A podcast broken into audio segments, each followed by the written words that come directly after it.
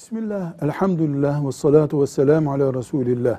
Müslüman kadınla Müslüman erkek nikahlanırken erkeğin kadına ödemeye mecbur olduğu bir rakam var, mal vardır. Buna mehir denir.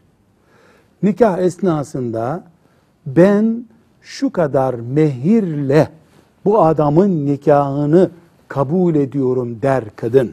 Erkek de ben bu kadına şu kadar mehri şimdi veya sonra vermek üzere bu kadını nikahıma kabul ettim der.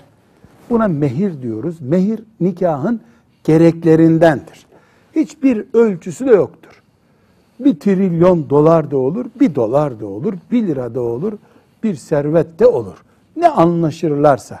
Ama bu evet dendikten sonra, kadın da kocasının evine gittikten sonra banka teminatı gibi garantili paradır bu. Maldır ne vaat edildiyse. Bu nikahın gereklerindendir dedik. Unutuldu, konuşulmadı.